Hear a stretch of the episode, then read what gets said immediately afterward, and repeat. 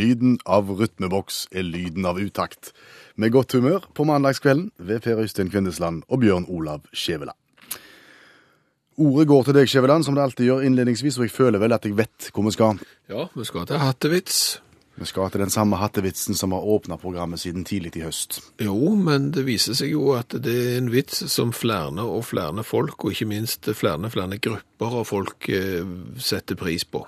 Hvor har du henta støtte i dag? Toppidretten. Altså, du skal ikke dope deg, sant? Og, og, og det gjør ikke folk heller, og da tenker de, finnes det andre måter å motivere oss på å få oss til å yte mer enn vi faktisk er gode til? Bare et kontrollspørsmål. Har Viking fotballklubb, har de starta sesongen bra i år? Absolutt. Ja. Eh, Spiller Vidar Nisja på Viking? Absolutt. Ja. Vær så god, Vidar Nisja. Hei, jeg heter Vidar Nisja, og jeg spiller for Viking. Og Grunnen til at vi har vært så vanvittig gode i år, det er at Kjelle alltid før kampen forteller hattevitsen. Da senker vi skuldrene, og da vinner vi kamper. Så hattevitsen er best, ingen protest. Nå kommer vinteren, og vi har ingen sommerhatt. Men hva skal vi med sommerhatt når vinteren kommer?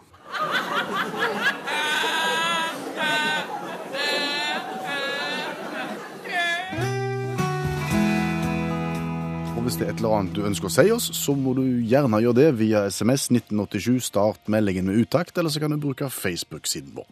Det kan du gjøre, og akkurat på Facebook-sida vår nå så ser du et eh, alle tiders lite fiffig bilde av noen statuer fra en park i Paris. Eh, Der kan du være med å gjette hva kan dette bli slags tema. Ja, Vi sier ikke mer om det nå. Nei, en, ennå. nei, vi er ikke der nå. Nå er vi på vann og vekt. Nå er, nå er det vann og vekt, for vi har fått et innspill nettopp via Facebook fra Torstein. Han har i dag bedt oss om å ta med vekt i studio. Ja, Det har vi gjort. det har vi gjort. Ja.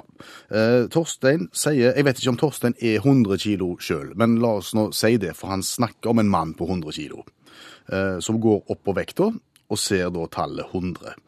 Eh, så tar vedkommende med seg et tynt plastbeger med en halv liter vann opp på vekta. Da viser displayet 100,5 kilo, altså en halv kilo mer. Så drikker du vannet og setter fra deg plastbegeret. Da veier Torstein plutselig bare 100 igjen. Hvordan forklarer vi det? Den umiddelbare forklaringen vil jo være at han lekker. Torstein eller glasset? Ja, Torstein lekker, tror jeg, uten at han er klar over det sjøl. Har utrolig hurtig svetting. Altså, han svetter veldig fort og mye på korte tid. Høres veldig rart ut, men, men vi har jo bestemt oss for å teste dette her. Ja, jeg tror, jeg tror ikke det stemmer. Jeg tror det er en feil en eller annen plass. For, for det at hvis du står med to kilos biff i magen, så går du opp to kilo. Ja, det, ja, Nå skal vi høre om det er du eller Torstein som har rett. Ja, ja. Du tapte loddtrekningen siden du var nærmest 100. Takk skal du ha. Da går jeg opp på vekta. Mm. Skal vi se. bort sånn. Da må du vekke vekta. Da har jeg vekt den. Og den viser ja, Det er jo for så vidt bare egentlig de siste desimalene som er interessante i denne kabalen her, men den viser da 96,8 kilo. Og det er jo ren, ren muskulatur. Ja. Det er jo en bodybuilder-kropp her på 96,8 med klær. hvis du tilfører den muskelmassen nå, noe vann, så skal vi se hva som skjer. Nå ber jeg en halv liter med vann i hendene og går opp på vekta igjen. Og da viser han 97,3. Det er jo helt perfekt. Da har han gått opp en halv kilo. Ja. Og så skal jeg da drikke dette vannet på korte tid. Det er det så snakker om å tape. Først har du stått fram om at du er altfor tjukk, og så må du stå fram og drikke vann på direkte nå. Da skal Skjæveland drikke en halv liter vann. For så Oi. Uff. Jeg er halvveis. du, trenger, du trenger ikke gjøre det så fort. Hva skal du sitte her så tørrprate og snakke om været og sånn imens jeg drikker vann? Hvordan er været, Per Øystein? Nei, altså, det er mildt og fint. Og han var 96,8, og, og ifølge teorien til, til Torstein, så skal han nå være akkurat det samme når han har drukket en halv liter vann. Ja vel. Da var det jo. Men, mens, vi, mens vi tror at det vil være 97,3, altså at du har gått opp en halv kilo. Det er klart jeg gjør det. Da, Da er vi spente. Da går jeg opp på Og 97,3. 97,3. 97,3, og av det er eh, da Det skulle være fristende å si at det var 90 kilo muskler der og 7,3 i vann, men det er nok mye med vann, ja. Det er en jævla tung muskulatur. Ja. Tunge beinbygning, ikke det de sier alle som er Det er det. Men hva skal vi da si til Torstein? Da, da er det den første teorien din om lekkasje, da, her, egentlig? Ja, jeg tror det. Jeg tror, Torstein, at du rett og slett transpirerer så kraftig og så fort at, at eh, kroppen utsondrer det du tar inn om nesten før du har begynt. Tenk litt på det. Ja. Utakt i NRK P1, som er et gigantisk, et kjempepopulært radioprogram i Frankrike, og kanskje nærmere bestemt Paris. Etter det du har grunn til å tro. Nei, ikke etter det jeg har grunn til å tro engang, etter det jeg eh, trenger ikke erfare det engang, etter det jeg vet. Har du dedusert det? Det, det, nei, jeg har ikke det. Jeg har, jeg har bare sett det på en måte som gjør at jeg gjorde det. Jeg har dedusert det. Jeg har slutta meg fram til at eh, ergo cogito sum og de, så er det kjempepopulært med utakt i Paris. Hvorfor er radioprogrammet vårt så stort i Paris? Ja, det vet jeg ikke, men hvorfor jeg har funnet det ut, kan jeg fortelle deg. Ja. Fordi de selger klær etter vekt. Fordi de innfødte i Paris selger klær etter vekt, så er Utakt et kjempepopulært program i den franske hovedstaden. Ja, for hvis du husker bitte litt tilbake igjen, så snakket vi om det. Hvorfor er det sånn at ei T-skjorte som er størrelse XXXXL, koster det samme som ei T-skjorte som er small? Ja, med tanke på at det går veldig mye mer stoff med til å produsere den XXX-en. Ja, mens en smål small er jo pikyrende sliten, og, og må jo i stoff, og det er jo stoffet som koster noe, sant? Den, den må jo være mye billigere å lage enn en XXL. Og dermed så, så kritiserte jo jeg litt det der at eh, som small så er du med å eh, finansiere eh, XXL-erne. Ja, og det tror jeg du skal være glad for med tanke på det du nettopp viste på vekta, men det trenger vi ikke ta Jo, men altså, for å si det sånn, jeg kan, jeg kan, jeg kan betale det mine klær koster, jeg. Så, så, så det skal du ikke tenke på. Nei, For det var det som var den, den videre tanken her, at i stedet for at alle skulle betale likt, så foreslo du en slags fair trade-løsning. Ja, du eksempel kommer bort med sånn blå T-skjorte med V-hals, eksempel, og så sier kassen, ja, nå skal jeg bare veie den, og så veier de den, og så sier de, oi, det veier 450 gram, eller hva en T-skjorte veier, og så er det kilopris på den, sant? Og så regner de det ut, og så får du den. Det er litt så kjøttpålegg, sant? Du, du betaler for det du skal ha. Og så lo vi litt av det egentlig, og syntes at det var en litt sånn tulletanke. Nei, du lo litt av det og syntes det var en tulletanke. Jeg mener fremdeles at det er en genial idé. Og så reiser du ut i verden, og så får du interkommunal støtte. Så får jeg støtte i Paris. Der går jeg inn i en butikk, så ser jeg at ut forbi så har de et sånn fiffig skilt som indikerer at her selger de klær etter vekt. Ja. Og det er jo kjempegenialt. Da hadde de fargekoder på klærne, og fargekoden indikerte kiloprisen. Så for eksempel hvis du skulle ha tre grønne og, og to røde, så, så tok du først og la de grønne oppi en korg, så veide du det, så betalte du det, og så veide du de røde etterpå, så var det forskjellige kilopriser. sant? Litt som italiensk salat der, og, og biff der. Virka det som folket var fornøyde med denne ordningen? Jeg syns det virker som en kjempeordning, og jeg vil bare anbefale alle andre norske butikker nå til å så gripe dette her forretningskonseptet. Det er rettferdig betaling for klær, sier han som var tyngst i studio. Så du, du kjøpte deg to og en halv kilo collegegenser og resten i slacks? Nei, jeg kjøpte ingenting, for jeg hadde ikke noe fint. Klokka er fem på halv elleve en mandagskveld. Jeg spør deg, så jeg pleier å gjøre omtrent på denne tida hver eneste mandagskveld, Skjæveland. Hvordan går det med førsteklassingen Vebjørn? Går veldig bra. Fine været har det jo vært, vet du, så da er det jo alle tiders når du kan gå i bare jakke på vei til og fra skolen. Da er det en fest. Merker du at det fokuset på det faglige blir noe svekka i takt med finværet? Nei og nei. Det er veldig fokus på det faglige, og, og grunnen til at vi snakker om det nå, er jo at eh, Vebjørn begynte på skolen i august i fjor. På det tidspunktet der så var det ikke en eneste politiker sikker som mente at den norske skolen var bra. Eh, Vi ville finne ut av det, og dermed så har vi fulgt Vebjørn med hva han har lært på skolen det siste året. Ja.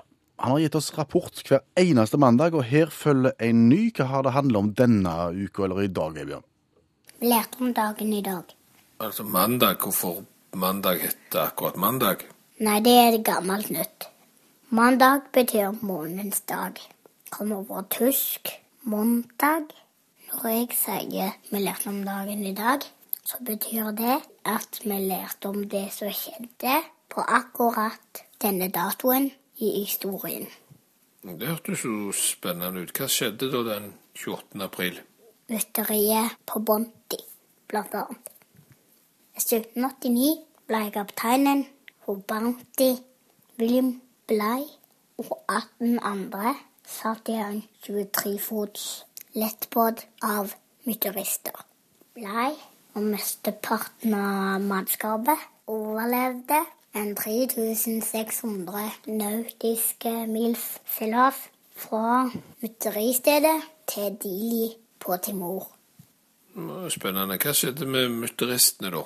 De seilte av gårde med Bounty og endte på Pitcairn-øyene, hvor de bosatte seg. Og der brente de skipet. Etterkommerne ettermutteristene, lever fremdeles på øya. Ja. Og så lagde de sjokolade, og så kalte de den Bounty, og den er kjempegod. Nei, ikke tastegalt. Sorry. Hva mer skjedde den 28. april, da?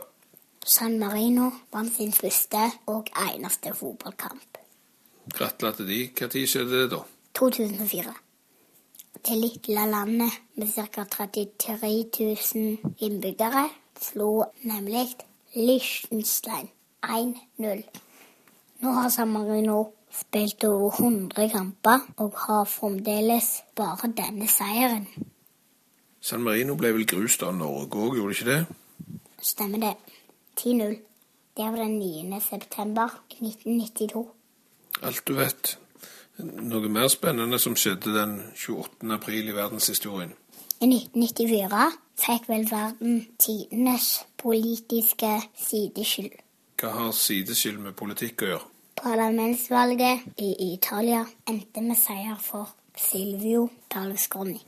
Å være hårsveis har vel ingen statsleder klart å oppvise, verken før eller seinere.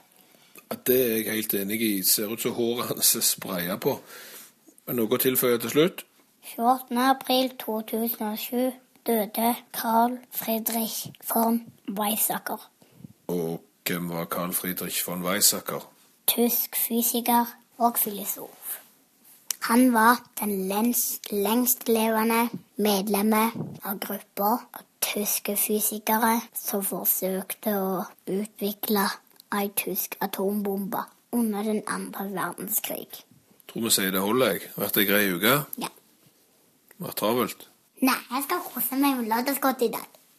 Skal du ha lørdagsgodt på en mandag? Ja, Hva da for? fordi fått av storesøstera mi fordi hun har vært i Bolivia og kjøpt noe til meg. Så enkelt er det. Jeg har fått kjempemasse snop. NRK P1. Tenk hvor flink hun Adele kan bli når hun blir overprøvd. Ja da, du har potensialet, hun. Someone like you. Utakt i NRK P1. Og vi satt her en dag og snakket sammen, og, og, en av oss hadde litt vondt i hodet, og den andre spurte du skulle ikke hatt en globoid. Ja, en globoid skulle du hatt. Så lo vi litt av det jo, og så, og så kom vi på at det var jo det vi tok. Det var jo det som virka. Ja, Dispril tok vi. Ja, før vi tok Dispril, så tok vi globoid. Ja, før vi tok Dispril tok vi ingenting, for da var vi så små. Du kan få stå fram som en av de som har tatt globoid sjøl. Globoid i eh, oval eske med lokk fungerte utmerket. Men den ser vi ikke mye nå om dagen. Nei, det var jo den her lille innskytelsen med ta en globoid som begynte å sette seg, og så begynte vi Hæ? Fins det ikke lenger? Jeg har aldri vært på et apotek på det jeg kan huske, der jeg har sett eh, en globoid. Jeg har sett mye annet rart der inne, men ikke globoid. De selger jo sukkertøy og campingutstyr snart der inne på, på apotek, men, men globoid? Nei. Nei, men Disprilen, da. Ja, jeg har Samme, ikke samme skjebne, har ikke sett den heller, jeg. Den, hadde vel, eh, den var i glass-glass, og, og hadde en svarte kork, og så sånn et alle tiders ankermotiv lignende greier på forsida, sånn som sikkert kunne tatovert på armen og sagt at du hadde seilt på alle de verdens syv hav og tok til spril hele veien. Ja, men vi tenkte la oss nå høre med apotekene, da. Hvordan, hvordan går det med globoiden og Disprilen? Fins de? Er det noen som kjøper de, eller hva, hva har skjedd? Hva sa de? De sa at det finnes. Både globoid og dispril finnes, men eh, for å si det sånn, det blir ikke solgt i eh, de alvorlig store kvantaene. Det er klart, hadde du vært globoid og dispril-leverandør, så, så hadde du tenkt at, vet du hva, nå må det snart skje noe, for det her er dette er trått farvann, bokstavelig talt. Sjøen er i ferd med å tørke ut. Sier du det? Ja. Hva sa de om, om salget? Nei, jeg ringte til et relativt stort eh, apotek i Stavanger. De hadde da solgt ti Dispril på en måned. Oi! Og, og to eller tre globoid. Ja, der ser du. Ja. Ja. Mens um, Ibux og Paracet og de andre som du er vant med, og synonympreparatene til de, de hadde de ikke tall på, for det var store mengder. Okay. Så, så uh, det er jo en liten kan du si, det er en liten nisjenæring, det der med Despril. Og, og enda verre med globoid. Men det er vel noe med, med virkestoffene her, tror jeg, som, som ikke er så populære lenger. De fant vel ut at det var noe som ikke var fullt så smart, kanskje, med det, og så valgte en andre varianter i stedet. At, det- at det var sunne. Altså Hvis du først skulle være usunn og ta smertestillende, så var det sunnere å ta noe som var mindre usunt. Ja, dette vet jeg lite om, egentlig, men, men det må jo være en grunn til at alle har vridd seg over på noe annet. Ja. Kanskje de har sovet i timen, Disprilen og, glo og Globoiden? At de ikke har fulgt med i den der smertestillingsutviklingen. Ja. ja Hva du tenker Du må jo være på banen, tenker jeg. Men altså, Du har jo fått varianter av de andre. Du, du nevnte jo Paracet og, Ja. og Ibux. Har du hørt om Paracet Duo? Nei. Nei, ikke jeg heller, før nylig. Den har vært på markedet en stund, skjønte jeg, men det er altså da en blanding av Paracet og kaffe. Paracet og kaffe. Som skal være godt for Ja, OK, det skal være både oppkvikkende og smertestillende samtidig, eller noe sånt. De mener at koffeinen da okay. skal, skal forsterke den smertestillende effekten av paracetamol, som er virkestoffet i, i Paraceten. ok, Ja, men da vil jeg foreslå for eksempel hvis det er nå en leverandør av Despril eller Globoid der ute, nå må dere tenke litt ut forbi boksen. Nå er kaffe som tilsetningsstoff sammen med smertestiller, det den er oppbrukt. Eh, Hva med Hubba Bubba, eksempel? Globoid med Hubba Bubba. Ja, altså det er muligheter, det er bare om å gjøre å tenke, sant? Så, så er dere plutselig på banen igjen med hva, hva er det virkestoff i dette her? Det er så vanskelig at det klarer du nesten ikke å si. Acetylsalicylsyre. Ja, spill musikk, du. Har du sett noe til allmennlæreren med tovektig musikk, Olav Hove? Nei, jeg har ikke det, og det er en merkedag i programmet. Det er det første fraværet hans. Ja, har han sagt noe om hva som er problemet? Det er visstnok ikke noe problem, men han måtte jobbe for å bli ferdig med det han skulle bli ferdig med. Og dermed så kunne han ikke være med å snakke i radioen. Eh, jo, men vi måtte ta oss og ringe han opp hjemme. For det som er bakgrunnen her, Per Øystein, det er jo det at eh, for en måned siden cirka, så satt vi i dette nøyaktige studio her en lørdag og skulle snakke inn ei bok på direkten uten manuskript. Det vil si, du må dikte hvert eneste kapittel der og da, og så sitter du igjen med en seks-syv timers lydbok, og så er det jo bare for allmennlærer Olav Hove å, skrive av lydboka etterpå, og så får vi gitt det ut. Verre var det jo ikke. Men han har jo aldri kommet i gang. Nei, altså dette var jo en litt syk idé vi hadde, og så plutselig så ble det alvor, for et forlag hadde lyst til å gi ut den boka som vi skulle snakke inn i løpet av 6-7 timer, og som Olav Hove skulle skrive ut fysisk. Men vi fikk en deadline 1. mai, eh, og han har da mandag etter mandag nå den siste, siste ukene fortalt at han har slitt med å komme i gang. Skrivesperre kalles det. Rett og slett. Men, men eh, skal, vi er det, skal vi kalle opp Olav hjemme nå, det er det du Ja, sier? vi har eh, EDB-teknologi, vet du. Direkte inne fra kontoret, hjemmekontoret Olav Hove. Hvordan går det? Alt vel. Ingen problem. Helt topp. Eh, Hvorfor er du så oppesen? Nei, Oppesen, jeg, jeg er jo bare jeg er ferdig med dette greiene. Jeg, jeg ser jo positivt på at jeg er ferdig med, med verket. Du er ferdig nå tre dager før fristen? Ja, det er jeg altså. Jeg er greit å være ferdig tidlig. Jeg er jo den typen som liker å gjøre meg ferdig med ting før fristen helst. Så eh, jo, tipp topp. Ingen problem. Men helt ærlig, Olav, du har brukt en måned på å komme i gang, og det er nå helt i siste liten du virkelig har fått det til. Du har prøvd å sitte naken og skrive for at det skulle hindre deg i å gå ut blant folk. Du har prøvd å drikke portvin, du har prøvd å drikke brennevin, du har prøvd å høre på oratorier. Hva er det som har gjort at du plutselig liksom nå satte deg ned og ble ferdig? Jeg er den siste som eh, skal snakke skitt om portvindrikking i naken tilstand, for det var rett og slett trivelig det. Men rent skriveteknisk så, så var det jo problematisk. Så, så det jeg prøvde denne veka da, i ren desperasjon, det var å sette meg bak pulten her. eh, Skru på eh, EDB-apparatet og skrive. Og det funka ganske fint. Du bare skrev, rett og slett. Ja. Det var ikke dumt, altså. Det må jeg si for, til alle som har ambisjoner om å bli, om å bli store forfattere. Eh, så vil jeg anbefale at de setter dere ned og skriver. Det var kjempeeffektivt, altså. Men du har hatt eh, ei lydbok som du skulle skrive av. Har det vært vanskelig? Ja, det er jo litt tynt innhold til tider, men, men, eh, men klart eh, Nei, det har gått ganske fint, altså. Jeg er mektig lei både Kvinnesland og Skjevesland sine stemmer, men utenom det så har det gått fint. Er det bra? Ja, det vil jeg si. ehm, ja da. Eh, det tror jeg det blir. Ja, det blir helt topp, vet du. Det, det blir fint. eh, så lenge en fikk eh, ordna litt på ting, så, så gikk det fint. Ordna litt på ting. Jeg trodde alt vi sa var 100 presist, grammatikalsk riktig og, og, og historisk korrekt. Eh, ja, for så vidt, men det er et par, par småting her etterpå, da. Men det er lite, da. Har, du inntrykk av at dette er framtida når det gjelder bokskriving? Snakk han inn først, fullstendig uforberedt, og, og, og skriv han av under press? Ja, og det tror jeg absolutt. Det vil jo eh, ikke minst sånn eh, HMS-messig så vil det medføre lite utbrenthet, iallfall blant de som skal snakke inn greiene. Det er jo klart det er verre for de som må ta den tunge støyten og på en måte skrive ned dette her som blir, blir lirt ut av seg. Da. Så for de som snakker, så, så tror jeg det er bra. Er det noe nytt om hagefesten? Yes, det er noe nytt. 29. august blir det hagefest. Vi er altså i mål. Vi liker å hjelpe folk, Skjæveland. Vi gjør det, og det er bare å komme med spørsmål hvis du øh, trenger et råd av øh, et eller annet slag. Vi skal ikke påberope oss at vi er orakler, men vi har jo øh, levd ei stund, og vi har jo f.eks. hatt unger som drikker avfettingsmiddel, så, så vi vet jo hva, hva utfordringer der finnes der ute. Mm. Og det er jo enkelte som er faste lyttere av Utakt som har, som har brukt oss mer enn andre. Øystein har brukt oss ganske mye. Ja, for han har nettopp fått en sønn, Theodor, og det er klart at eh, som nybakt far, så er det jo alltid et eller annet du, du lurer på, det, og det har vi jo hjulpet eh, Øystein med, annet hvordan du skulle få lille Theodor til å slutte å hikke, det er jo bare å holde hodet ut av vinduet, det med munnen åpen, så er det fort gjort. Ja. Ikke gjør det, det var ironi. Eh, Men vi har hjulpet Øystein med mangt i forhold eh, til Theodor, nå er da eh, mor til Theodor òg på banen. Ja, fruen til Øystein. Ja, Nina. Ja, for Nina har skjønt at det er, det er hjelp å hente. Ja, ja. Så nå lurer hun på ting vedrørende barneoppdragelsen av Theodor. Nei. Oh. Hun lurer på barneoppdragelsen av mannen, Øystein.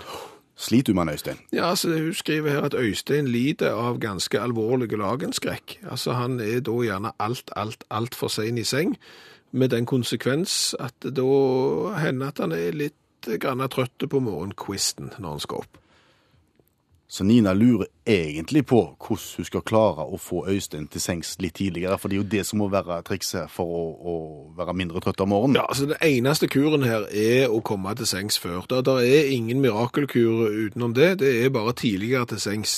Ja, og kjære Nina, Hvor vanskelig kan det være? hvor vanskelig kan det være å få en mann inn på soverommet litt tidligere på kvelden? Bruk alle triksene i boka, Nina. Ja, For å si det sånn, her er det jo et skreddersydd opplegg, og det burde du kjent til på forhånd. Altså For det første, du går inn litt før han. Ja.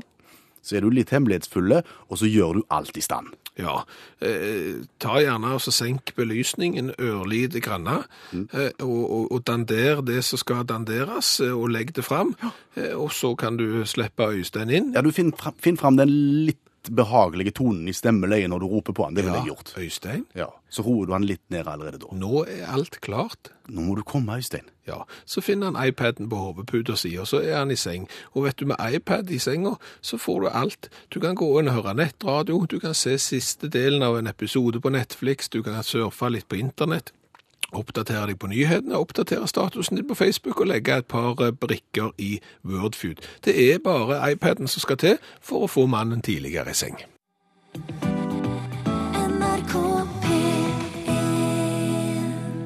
Mange, mange, mange hadde lyst til å være med i kveld òg, men vi falt for adressa til Inger-Lise Skjæveland. Ja, dynamittknatten.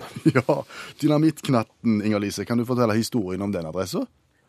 Jeg vet ikke så mye om måneden, for vi har bodd her oppe i 20 år da, men det har visst vært et dynamittlag her oppe en gang i tida. Ja. Du, du bor midt på dynamittknatten. Midt på dynamittknatten. Godt. Er du klar for konkurranse? Ja, ja. Bra. Vi går gjennom reglementet litt kjapt. Ja, det er veldig enkelt, men for deg som ikke har hørt det før, så er det nemlig sånn at vi har en spørrebok med 66 sider. 66 sider, det er en spørrebok fra 1975 som er mynta på barn. Eh, Så velger Inger-Lise ei tilfeldig side og et tilfeldig spørsmål, og svarer hun rett, så får hun glad... litt gladjodling, og svarer hun feil, så får hun litt litt eh, trist jodling. Ja, Men uansett så får hun T-skjorte med V-hals. Det er det som er det geniale her. Du går ut som vinner uansett hvor dårlig det eventuelt går. Da kaller vi opp dynamittknatten igjen og spør om et sidetall, Inger-Lise. Eh, syv. Syv. Skal vi se. Da er vi kommet til kategorien Kjenner du vår litteratur? Og der har jeg 18 spørsmål. Da sier jeg tre. Da tar vi tria. Hvem har skrevet Alberte og Jakob? Vet du hva i verden? Skulle, skulle unger kunne det der?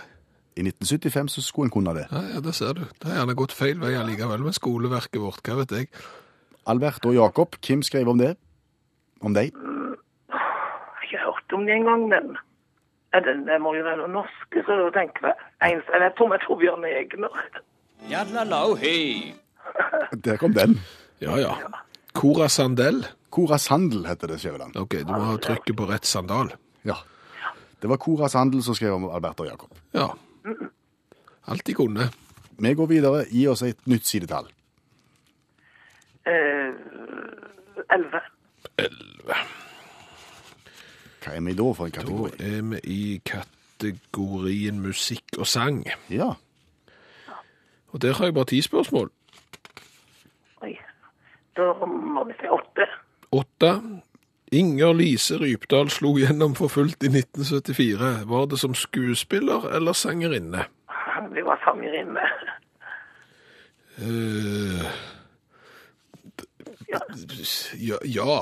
Si, altså, sjelden hørt vagere svar i hele verden her. Altså, Inger Lise Rypdal hun spilte både teater, revy og film, og sang seg oppe på norsktoppen. Ja. Ja, så det var jo, alt var jo rett. Ja, ja. Men mest sang, tror jeg. Mest sang. Ja. Da er vi et spørsmål fra slutten. Ny, nytt sidetall. Eh, fem. Ja, det, det, det, da har ikke boka begynt. Da er vi ennå på forordet. Å ja. eh, 17. 17. Skal vi se. Litt av hvert fra planteriket der, altså. OK. Ja. Og så kan vi ta 16. 16. Hva er det som gjør at plantene utgjør den viktigste delen av livet på vårt planet? Ja, det må jo være oksygen. Altså, er det helt Ja. nå, da? Nei, men det, Ja. Ja, den gir jo god luft. altså for å si det sånn, det var, det var et sånn ordfagsspørsmål dette her, så du sikkert kunne eh, diskutert hele dagen. Alle dyr og mennesker får enten direkte eller indirekte sin næring fra planteriket. Å ja, OK. Okay. Ja, eller oksygen for eksempel, for å Ja, puste for eksempel, eller hvor kom klorofyllen inn i dette bildet? I det hele tatt. Jeg vil si at det har gått to av tre mulige poeng til dynamittknatten. Ja, Og det er mer enn nok. Ja. da sender vi ei T-skjorte med vedhals, og så eh, håper vi at du ber den med stolthet og, og verdighet. Jeg gjør det, vet du. Så bra. Ha en god kveld, Inger Lise. Likeså. NRK P1 Og Skjæveland har insistert på at overskriften for eh, det vi skal snakke om nå, er liten statuekreativitet. Ja, eh, og, det tror jeg meg har belegg for å, si. Eh, fordi at her kan det virke som om det er en eller annen kunstner som har fått frie tøyler, og han har tenkt det viktigste er å bli fort ferdig, få pengene i lommen og komme meg vekk herfra. Er vi i, i Norge, eller er vi interkommunale vi er interkommunale, vi er i Luxembourg-hagen, Chardin og Luxembourg i Paris. Eh, Der er det da eh, en hel bråde med statuer av franske dronninger, og for å si det sånn, de har hatt en del av de, Ja. som liksom omkranser denne parken. Hvis du vil beskrive den første du møter på.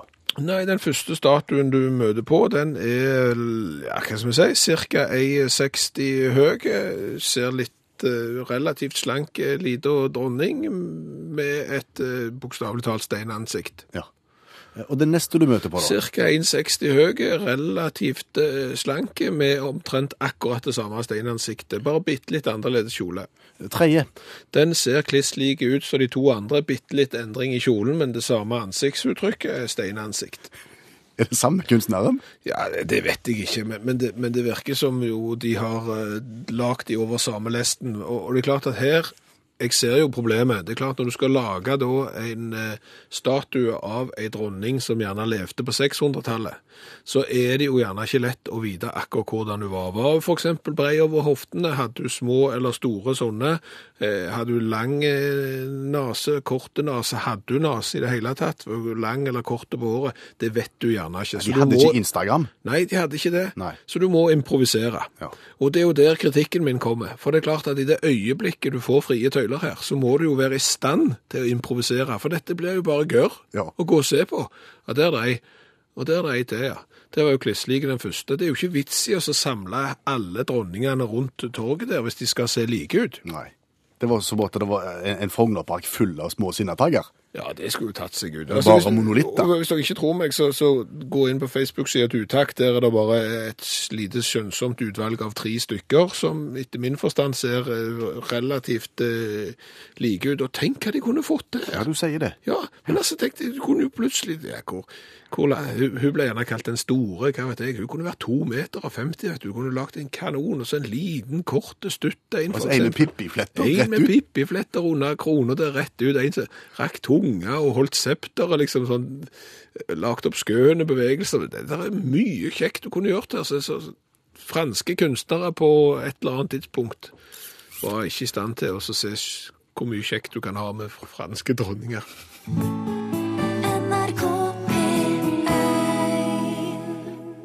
Vi var nettopp i Paris. Nå skal vi til Danmark. Daus. Daus. Daus. Daus. Vår danske språkspalte Daus. Ja, fordi at det er alltid greit å beherske litt av de andre skandinaviske språkene. Vi vet jo det at eh, de som vokser opp nå, de er ikke like flinke som de som vokste opp før på eh, svensk og dansk, og vi må jo kunne klare å forstå de, så de må klare å forstå oss. Ja, så vi setter inn en liten intensiv kur nå, tenker jeg, innover i mai-juni, for mange, mange skal jo til Danmark med familien, eksempel. Ja, eller Legoland, som det også heter. Ja, og, og sånn som vi gjør dette her vanligvis, det er at du finner fram et artig dansk ord som du liker, eh, så spiller du det av for meg, og så skal jeg gjette hva det betyr, og så skal vi sammen resonere og stå fram til hva det blir. Vær så god. Hippekor. Og de er alltid så korte. HPK. En gang til. Hippekor. HPK. Ja. Ja, Hep, heppeku, heppekuer eller heppekur? ingen av delene. Heppekor. Heppekor. Heppekor. Heppekor, ja. Ok. Kor som i sangkor. Ja. Greit. Er det et spesielt kor? Er det et musikalsk uttrykk? Ja, det, for å si det sånn, det er vel et musikalsk uttrykk som i så fall ikke kommer på plata, tror jeg vi kan si. Ok, det er jazz. Heppekor en som går foran med paraply, og så klapper de før sangen er ferdig. Nei, det er ikke det. Nei. Men, men er det et kor i ordets vanligste forstand, eller er det kor et bilde på noe annet? Altså, jeg kan hjelpe deg med noe av forklaringen her. Altså, ja, det er et kor i den forstand at det en, et heppekor er en gruppe av personer der hepper. Ok, det er en samling heppere. Ja, det er en samling heppere. Ja vel. Og når de hepper, hepper de i, i helgen, eller hepper de på en onsdag? Nei, altså det kan være midtukehepping, det kan være der er helgehepping, der, der er altså formiddagshepping. Det, men der, er- altså, det er nok mer mest i forbindelse med organisasjoner og lag at det er hepping. Ok, har jeg heppa i mitt liv? Ja, du har heppa mange ganger. Du har for eksempel Tid heppa du sist? Eh, Du heppa gjerne for en eh, halvannen ukes tid siden, kanskje du heppa. Oi. I påsken? Heppa jeg i påsken? Ja, siste dag i påsken heppa du nok. Den der siste mandagen der, før du kom på jobb, heppa du nok. Hva gjorde jeg da? Nei, det blir ikke enkelt, altså. Det er da eh, Hjelp meg nå litt, da. Jeg har lyst til Ja, å men klare det. altså, det er overført Altså, det er en gruppe personer der energisk og ukritisk støtter en sak eller en person. Åh, Det er en heiagjeng. det er en heiagjeng, rett Så og du, slett. når du hepper, så heier du. Du støtter da eh, laget ditt, eksempel, da på hjemmebane før du går på jobb når klokka er fire. En supporterklubb. En supportergjeng som heier. Et heiarop er da et heppekor, en heiagjeng. Ha, Hippekor. alt de får til. Ja, men da har vi lært det jo. I spalten vi har valgt å kalle Daus. NRK P1 Du, noe av det aller største små sønner kan gjøre, hvis de er interessert i fotball og gjerne spiller fotball, det er å få lov til å være maskotter på kampdagen når det forriktige laget spiller fotball. Eksempel hvis du spiller fotball i Viking sin ungdomsavdeling, så får du være maskot når Viking skal møte Strømsgodset. Eh, Da blir du gjerne med spillerne i garderoben rett før de går ut på banen, og så får du gå hånd i hånd med kanskje med favorittspilleren din ut på gresset og vinke. Det er like rørende både for far og for mor. Ja, og det er den ene type maskot.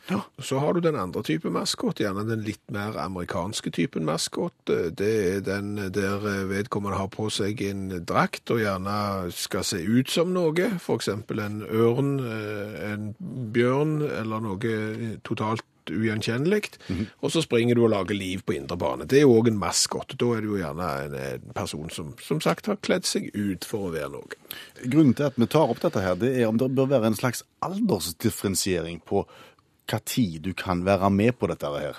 Altså Det sier seg selv, når du er inni den her eh, ulven eller ørnen din, så er det jo ingen som ser hvor gammel du er, så der er det vel egentlig likegyldig. Nei, men det er klart, hvis du er syv år og går hånd i hånd med favorittspissen din, det er for så vidt sjarmerende. Er du 47 år og går hånd i hånd med spissen, og han er mye mindre enn deg, Så ser det ut som du er faren til spissen. ja, og da ser det litt tåpelig ut. Eller ikke bare litt tåpelig ut, det ser kjempetåpelig ut.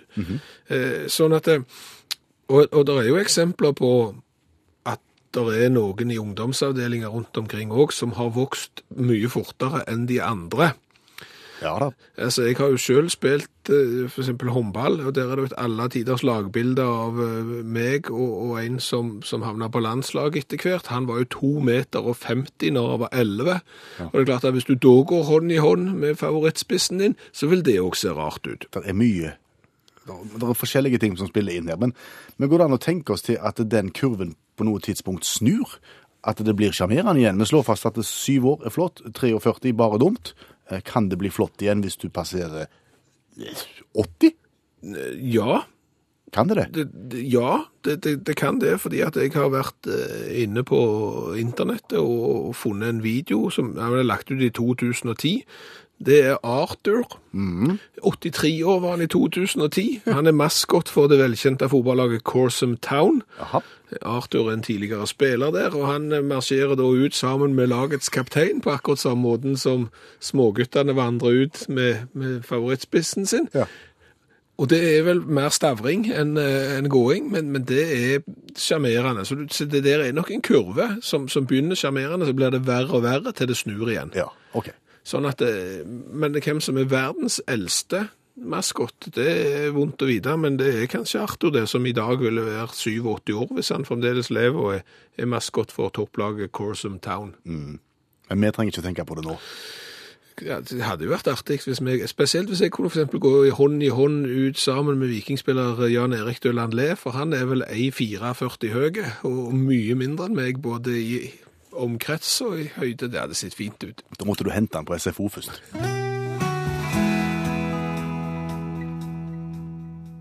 Så skal vi få lov til å gratulere Willy Nelson, skal vi si det? Jo, for nå har vi snakket litt grann om hvor gammel går det an å være, eh, å være maskot. Eh, Nå skal vi snakke litt om hvor gammel går det an å være og allikevel være, eh, få et svart belte i en kampsport. Ja, Willy Nelson har da rukket å bli over 80, har han ikke det? Jo, han eh, blir 81 nå eh, i løpet av noen dager, og har da nettopp nå fått eh, svart belte av fjerde grad i den velkjente kampsporten Gong Kwon Yusul. Aha. Og det er jo òg noe. Men, men- men altså nå, med fare for å trø på en hel haug med Yong Kong Gonsul, Gong. Kwon Yusul-entusiaster i Norge, så, så virker dette noe rart på meg. Det, det må være lov å si. Ja da, men altså, det er jo ikke så mange 81-åringer som opererer med musefletter heller, skal du vite. Så han er jo ikke vanlig skodd, Willy. Nei, sånn sett så er han ikke tam. men Men altså, la oss, la oss nå gå etter dette her i sømmene bitte litt. Altså, mannen er 81 år. Den her er kampsporten som han nå har fått svart belte i. Du får vel svart belte når du begynner å bli god, Ja da. tenker jeg. Eh, Det er da en koreansk eh, kampsport som ble grunnlagt av eh, Kang Yun i 1996. Relativt ny sport. Ja, det vil jo si at det, det er jo ikke noe han Willy Nelson liksom begynte med i konfirmasjonsalderen og har liksom jobbet seg oppover. Han begynte jo når han var haugammel allerede da. Han var jo overpensjonist når han begynte med kampsport. Da fant Willy og Fletten ut at det var alle tiders. Dette skal vi begynne med. Og, og, og det som er, det her er da en kampsport som er eh, litt inspirert av eh, Yosul Kwan. Det er den ene grenen, og så er det en kombinasjon av litt judo og, og kung gek do, for ikke å snakke om gwon yuk do. Så, så du ser det, og Willy behersker alle disse. du ser at det er, en, det er på en måte en eh, kan du si, en samlesport. Du har raska sammen en del kampsporter, kan det virke som, og, og fått, fått en. Eh, Der er en del sparking. Eh, Der er faktisk eh, ganske mye boks, boksing her. Og, og du ser jo at det, dette begynner å bli vondt å tro. Ja. Sant? Det, det ikke for å snakke stygt om Willy i det hele tatt, for maken til artist eh, skal du lete lenge etter. Men her kan det virke som om eh, de som står bak eh, Gwong, Gong Kwon Yusul, idretten, eh, rett og slett gir vekk et svart belte bare fordi at de skal få en, en kjendis på lista si. Det er litt sånn når du får sånne sånn løyen hatt på sånne universiteter rundt og blir sånn æresdoktor, sant? Ja. hva kan du om, om dette her emnet? Ingenting, men jeg har lagt film i, i 100 år, så da får jeg en sånn en tittel sånn automatisk. Dette vet du ikke, dette er bare noe du har grunn til å tro? Dette er bare noe jeg har grunn til å tro, men, men, men det er klart at det, hvis du leser om Gong Kwon Yusul, og hvordan det, den utføres, den idretten der, så, så, så ser du at det er en del indikasjoner på at vi kan ha rett. NRK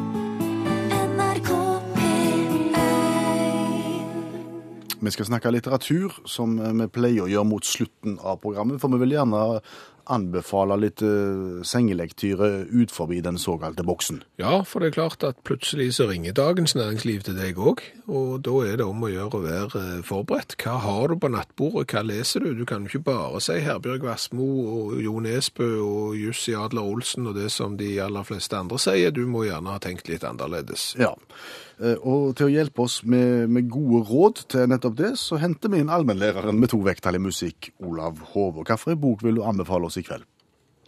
Den er ikke oversatt til norsk, men jeg kan jo eh, oversette kjapt. Den heter 'Hvordan unngå å bli kidnappet av romvesen'.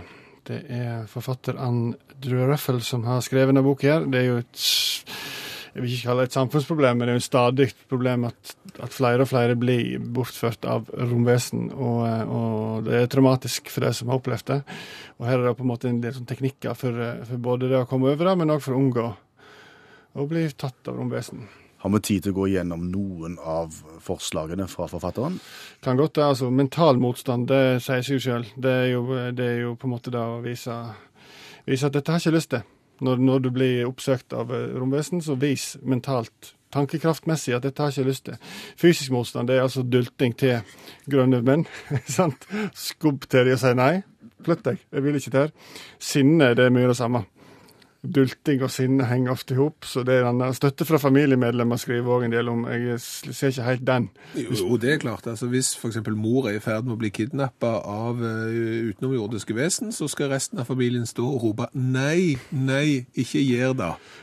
Ja, det holder egentlig med mental motstand. De kan si nei inni seg, ifølge det her greiene. Så der går det òg an. Intuisjon, jeg vet ikke hvordan det funker i det hele tatt, men det, du kan da antageligvis kjenne det på kroppen hvis du er i ferd med å bli tatt av et romvesen, og da gjemmer deg under senga, for der går det ikke. Metafysiske metoder, det dreier seg jo litt om kosmologi og sånne ting. Eh, ting som er litt sånn uh, ullent eh, omkring oss. Eh, og hva er metafysisk metode? Det er en såkalt ullen metode, der du på en måte kontakter kosmos og sier at eh, greit om jeg slipper å få kontakt utenfra nå, for jeg har nok å, å, å stri med. Så kan du appellere til det spirituelle. Og det kan du i alle sammenhenger i livet. Det går jo som regel bedre hvis du appellerer til det spirituelle. Eh, det er sånn det, og så har du òg en del gjenstander som du kan bruke på avvisning. da.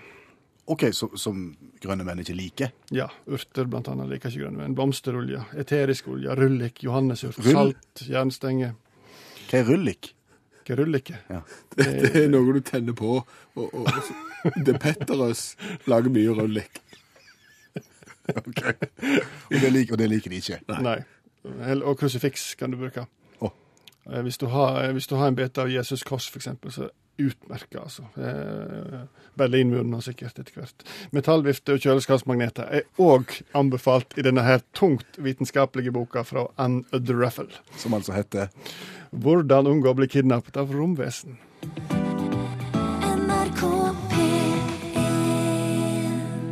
Vi har tidligere snakket om eh, problemer knytta til symbolbruk på dører til toaletter. Altså hva for noen symboler som indikerer mann, og hva for noen symboler som indikerer dame. Før, Ja, for før var det enkelt. Før var det enkelt. Da var det sånn at da var det mann med flosshatt og og lågnett og spaserstokk, mens eh, damene hadde vid kjole, gjerne brystparti og alt i orden, og det var ingen problem å vite hvor du skulle gå. Nei, nå har det gjerne blitt såpass moderne, og, og, og sånn at eh, utestedene skal ha en sånn gjennomført stil gjennom hele lokalet, og derfor så blir symbolene knytta til alt annet, og derfor så kan det bli litt vrient, og det hender en går feil. Ja, og en annen ting er jo hvis du er i utlandet der de har skrevet, altså kjønnet på døra, og det er klart at hvis du da ikke er spesielt sterk i serbokroatisk eller andre språk, så skal du vite hva som er hva, og faren for å gå feil er absolutt til stede. Eh, hvordan er det om bord i et fly? Ja, du har vel det der lille uanselige skiltet, sant, som forteller deg eh, hvor du skal gå. Ja, men der er- er vel egentlig unisex, er det ikke det? Jo, det er det jo, men, men poenget er her er at du, kanskje du bør begynne med fly òg, og markere dette bitte litt tydeligere, fordi at det er muligheter der for å ta feil, viser det seg. Fortell. Nei, altså, bare nå i helga så var det da en ø, australske passasjer på vei fra Brisbane til Bali, som eh, rett før landing, etter å ha sovet veldig lenge, ble alvorlig trengte. Og, og måtte på do, og, og turte fram over i kabinen. Og det er klart at da skal du vite at i de aller fleste fly framme så er toalettet på venstre side, og han gikk rett fram. Og da havner du i cockpit. Da havner du i cockpit. Han sto og, og, de, og de er jo låste. Så han sto og hamra på døra alt han var mann, for han var jo trengt og syntes jo det var lite kjekt at folk skulle være der inne så lenge, så tett opp til, opp til landing. Ja. Eh, Og han eh, ble jo da selvfølgelig lagt i jern. Åh. Og tatt av politiet når han kom til bakken, fordi at han ble tatt for å være flykaprer. Og det er klart at når blæra er så liten at du nesten må kapre flyet for å komme deg på do, så hadde det hadde vært ugreit hvis han gikk på do der framme òg, da. Hør flere podkaster på nrk.no podkast. NRK P1